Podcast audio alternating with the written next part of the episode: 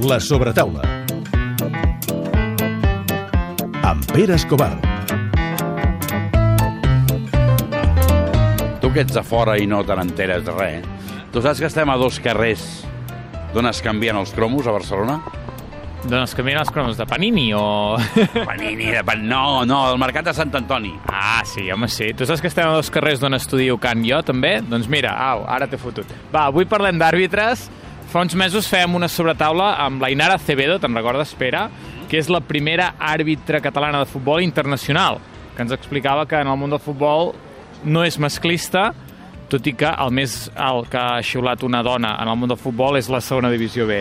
Sort, deixeu-m'ho dir, que en altres esports hi ha normalitat total i la protagonista que tenim al davant segur, segur s'ha pogut encarar jugadors com Juan Carlos Navarro, Rudi Fernández, que déu nhi eh, Marc Gasol, per exemple, per dir-ne només tres. Ens trobem cara a cara amb l'Anna Cardós. Com estàs, Anna? Hola, bon dia, molt bé, gràcies. Eh, jo, quan ha dit el, el Xevi això d'àrbitres, eh, jo anava a dir, no, parlem amb una dona amb un valor, però després he pensat, no, perquè el que és àrbitre, és àrbitre tota la vida. Doncs sí, la veritat és que ets àrbitre tota la vida. Jo vaig comen- començar molt joveneta i ja em vaig enganxar en seguida i la veritat és que he portat 30 anys i ara ja no estic arbitrant i encara ho porto la sang. Eh, no et renovava la CB, eh, amb dos companys més. Eh, haguessis seguit? Jo sé, jo que he seguit. Hagués seguit i a més amb molta il·lusió, bueno, amb la mateixa il·lusió de sempre. I, i, i què ha passat? Com t'ho has pres? Bueno, és situacions de la vida, tu prens com, com bé, eh, evidentment que costa una mica de digerir, però bueno, eh, la vida segueix i afortunadament doncs, bueno, he canviat el, aquest esport per un altre i per altres activitats que sempre m'han agradat molt, com el ciclisme. Amb arbitratge no fa res?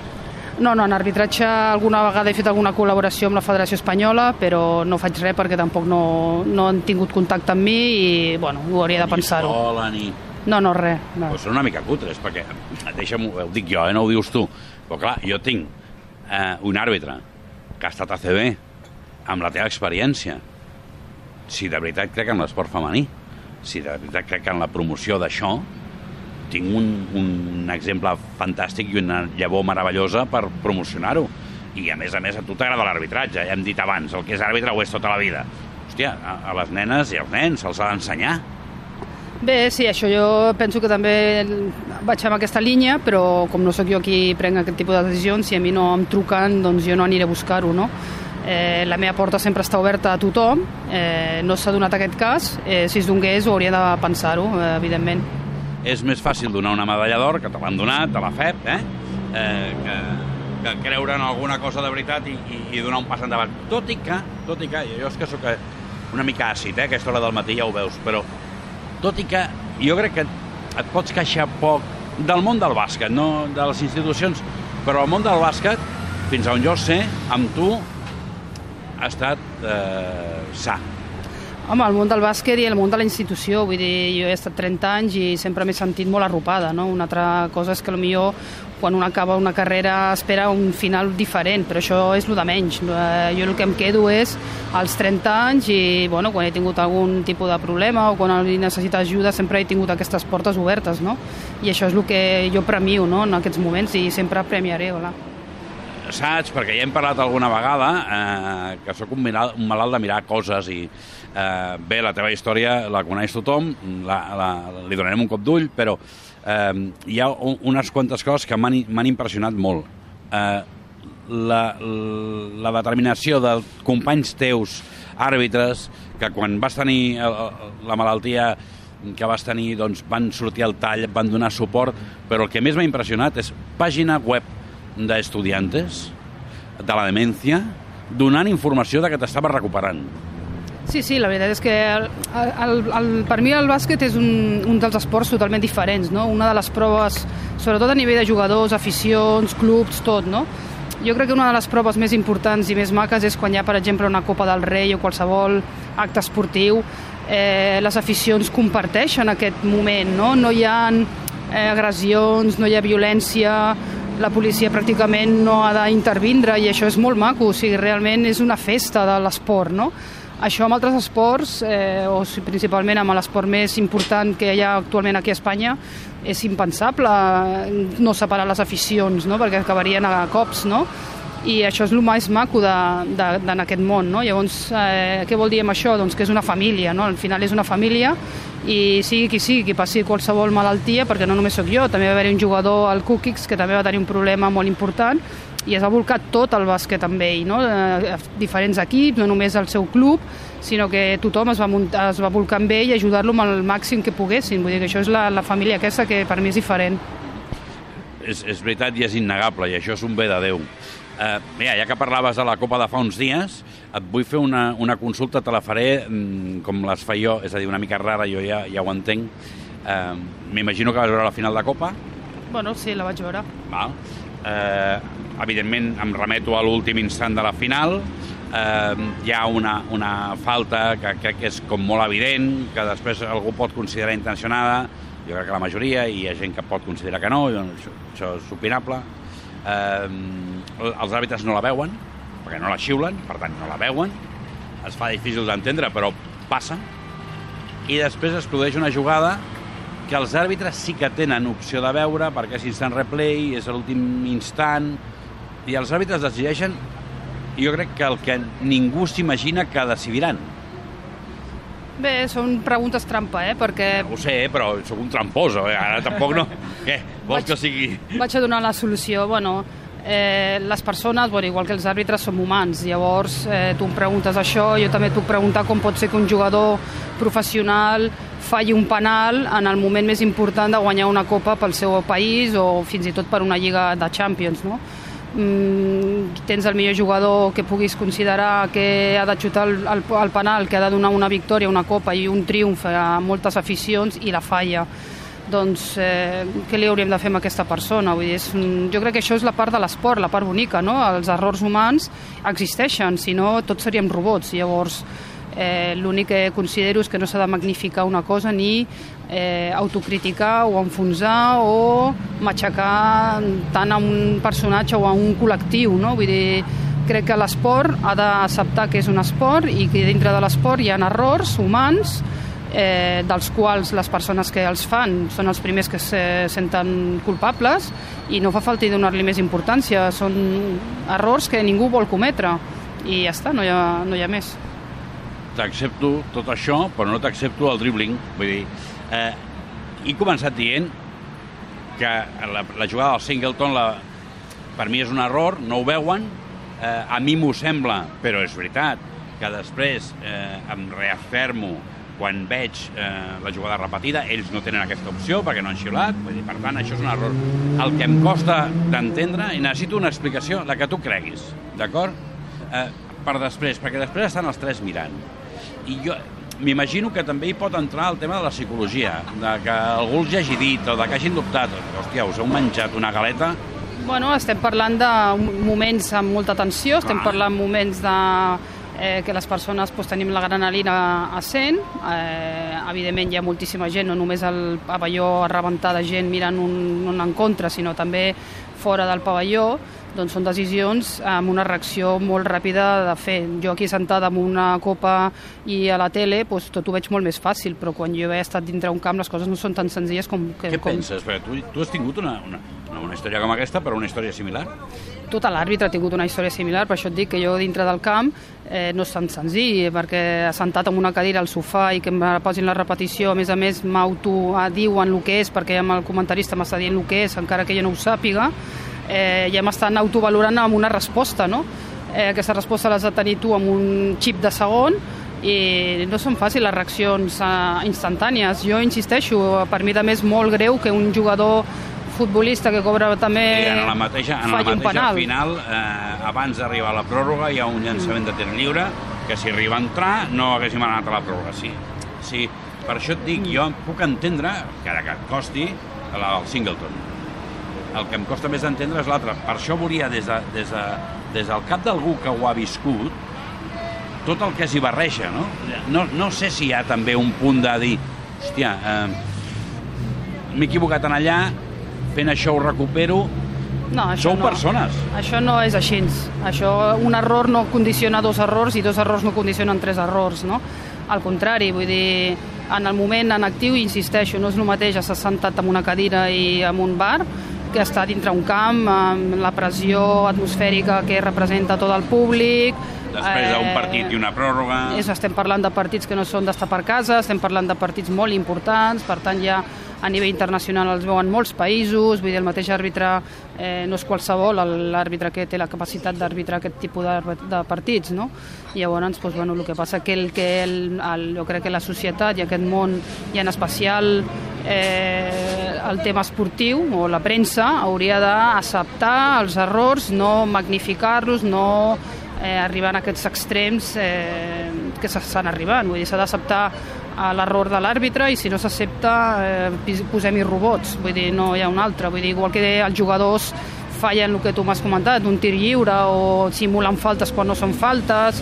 Estem entrant en moltes cosetes, en molts detallets que també podríem dir, bueno, i aquest jugador ara perquè es tira quan no és una falta, no? O aquest jugador perquè ara ha fallat aquest tir lliure quan no hi ha ningú davant per defensar-lo, no? Vull dir, doncs, bueno, perquè el jugador quan ha de tirar aquest tir lliure també té una responsabilitat de, en aquell moment, no? i els nervis, eh, el cansament del mateix jugador, eh, mil situacions que no es poden saber si no hi estàs en allà, doncs això també influeixen amb les persones.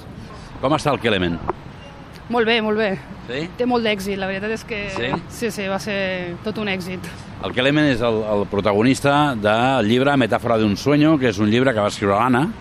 Eh, és un extraterrestre que viu cinc situacions.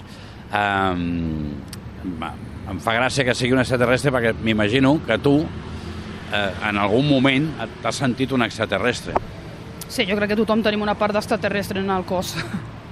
Eh, tu tens una, una encefalopatia abans d'un partit a Sevilla, et fa molt mal al cap, vas al metge, tornes, eh, fas el partit, però allò no, no queda així, acabes tenint una mena de, de, de meningitis, tinc el nom per aquí, ence, encefalitis autoimmune. Sí, correcte. Eh, que dit així, dius, té un parell d'optalidons, bueno, ara ja no es porten els optalidons, despidifents, eh, no. Estem parlant d'una cosa molt seriosa que, que et porta a, a que t'indueixin un coma i te siguis quatre setmanes que no hi ets. Has pensat en aquestes quatre setmanes després? No, he pensat seguir la vida després. Vull dir, no perquè quan estàs a... van ser cinc setmanes, per això el títol eren Sí, els cinc viatges, cinc- cinc cinc viatges del, del marciano. Eh, no, no hi penses perquè les coses negatives, quan menys hi pensis millor, no? Sempre has de mirar la part negativa com a transformar-la en positiva. I d'això va sorgir el llibre aquest, eh, del qual la veritat és que vaig fer-ho una mica així aleatori, mai havia escrit i bueno, és un llibre que evidentment es nota que no ho ha fet una persona que hagi estudiat la, la carrera, però que sí que està fet amb tot el meu carinyo i molt documentat, això sí, no? I, bueno, intentant buscar eh, pues la part positiva, la part divertida d'una malaltia. El vas presentar al clínic, eh, on et vas passar aquestes setmanes, eh, que és una història deixa'm dir-te que ja em va impressionar molt quan em van parlar ja fa uns quants anys, ja no me'n recordo ni quants anys fa, al Club de la Mitjanit, perquè em va semblar un, un, un exemple de vida brutal. Sí, sí, la veritat és que, bueno, jo crec que molta gent, eh? no només jo. Afortunadament hi ha molta gent que, bueno, que sap lluitar i el- jo crec que això depèn de la persona també. Hi ha gent que... Jo personalment no he tirat mai la tovallola i sempre he buscat de superar-me amb tot i, bueno, jo el llibre aquest també principalment el vaig fer per si podia ajudar amb el gent pues, que també li pogués servir a, com a part positiva per si desgraciadament tenia alguna situació semblant. No t'agrada massa parlar-ne. No, perquè a veure, tampoc no li té, no li trobo, o sigui, no és que no m'agradi, però vull dir, és, les coses passades ja estan passades, no? i més quan és una cosa pues, que té records negatius i que s'entraria amb, amb la part morbositat de, i que, es ten, que se sent amb no sé què, que se sent amb no sé quantos, bueno, no, és una malaltia que qui, qui la coneix ja sap el que, el que és i el que has pogut acarrear i a partir d'aquí és lluitar per tirar endavant i oblidar-la, ja està. eh, ja haguessis pogut quedar. En qualsevol cas, a mi m'interessa la morbositat zero. El que m'interessa és l'exemple d'es- d'esforç, que ja en vam parlar l'altra vegada, i que em sembla que això, t'agradi o no, te jodes, no ho pots afugir, perquè ets un exemple. Vull dir, tornar a escriure, tornar a caminar, eh, aixecar-te, això, així també ajudes a la gent. Sí, sí, per això vaig escriure el llibre, perquè jo que no havia escrit mai a la meva vida vaig pensar si ho puc fer, si ho intentaré i, bueno, i de fet al cap de dos anys va, em va escriure una persona, perquè en el llibre hi ha el meu correu, el meu contacte, i em va escriure una persona que tenia un parent que li havia passat el mateix i bueno, vam estar contactant i crec que vaig portar el meu granet per ajudar aquella família. Et sembla poc? No, no, em sembla moltíssim. Home, per això t'ho dic. Sí. Per això dic. Sopar d'homenatge. Van fer un sopar d'homenatge. No el recordes? Bueno, jo el tinc apuntat, eh? Però mm, et van fer un sopar... Quan, quan a, a la federació et van fer un sopar d'homenatge, a més a més de la medalla d'or. No el recordes? Això la Federació Espanyola. Sí, l'espanyola. Espanyola. Ui, ui, ui, ui, ui, què passa amb la catalana? No, la catalana no ha fet cap homenatge. No. No, no. I això et dol. No, no, no em dol. No m'enganyis. O sigui, aviam, una cosa és que em contestis així curt, però, i que em fintis, ja t'ho admeto, però que simulis una falta, no. No, no, no em dol.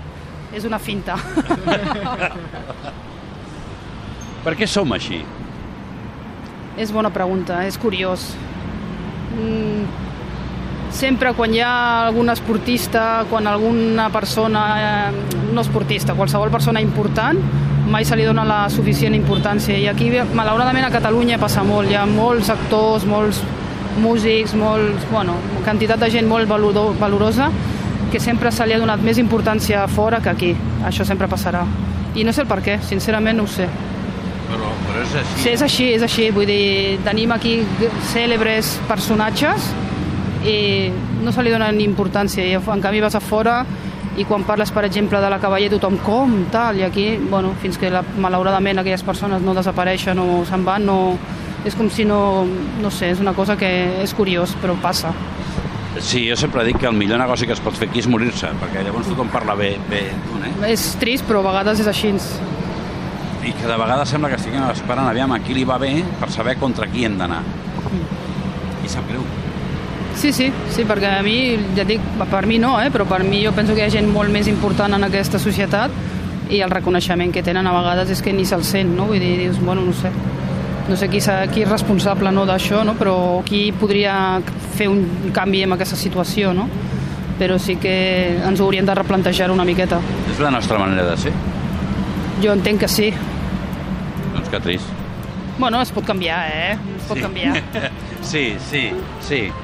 Individualment, eh? Individualment.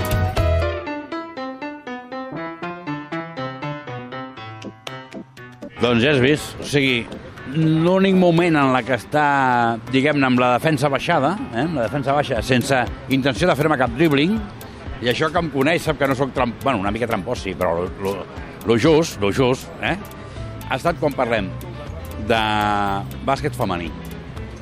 En la resta, en defensa alta, com si fos un pivot de 3 metres 5, eh, i no en deixa passar una. Avui hem assistit a un partit de bàsquet, aquí, eh? eh, eh no has caigut a cap finta del Pere, ets dolentíssim, o sigui, has anat fent fintes, la tia estava amb els peus de terra i et taponava quan aixecaves la pilota i, en canvi, ella t'ha fintat, tu has caigut, ha fet 10 cistelles sola, ha donat safates per la dreta, per l'esquerra... Alguna falta personal m'ha fet. Marcador 30 a 2, eh, favorable a l'Anna Cardús, en un, en un recorregut de, de la vida. És curiós, Anna, i ja saps que eh, aquesta entrevista la vam pactar fa força temps, que ens hagi passat el que ens ha passat, actualitat pura i dura. Mira que nosaltres venim aquí a, a parlar de d'absolutament tot, però, eh, clar, ha, ha sigut mala sort per tu, sobretot, tot i que ja et dic, eh, vull dir, no has caigut a cap finta i el Pere encara les està buscant els, els seus taps.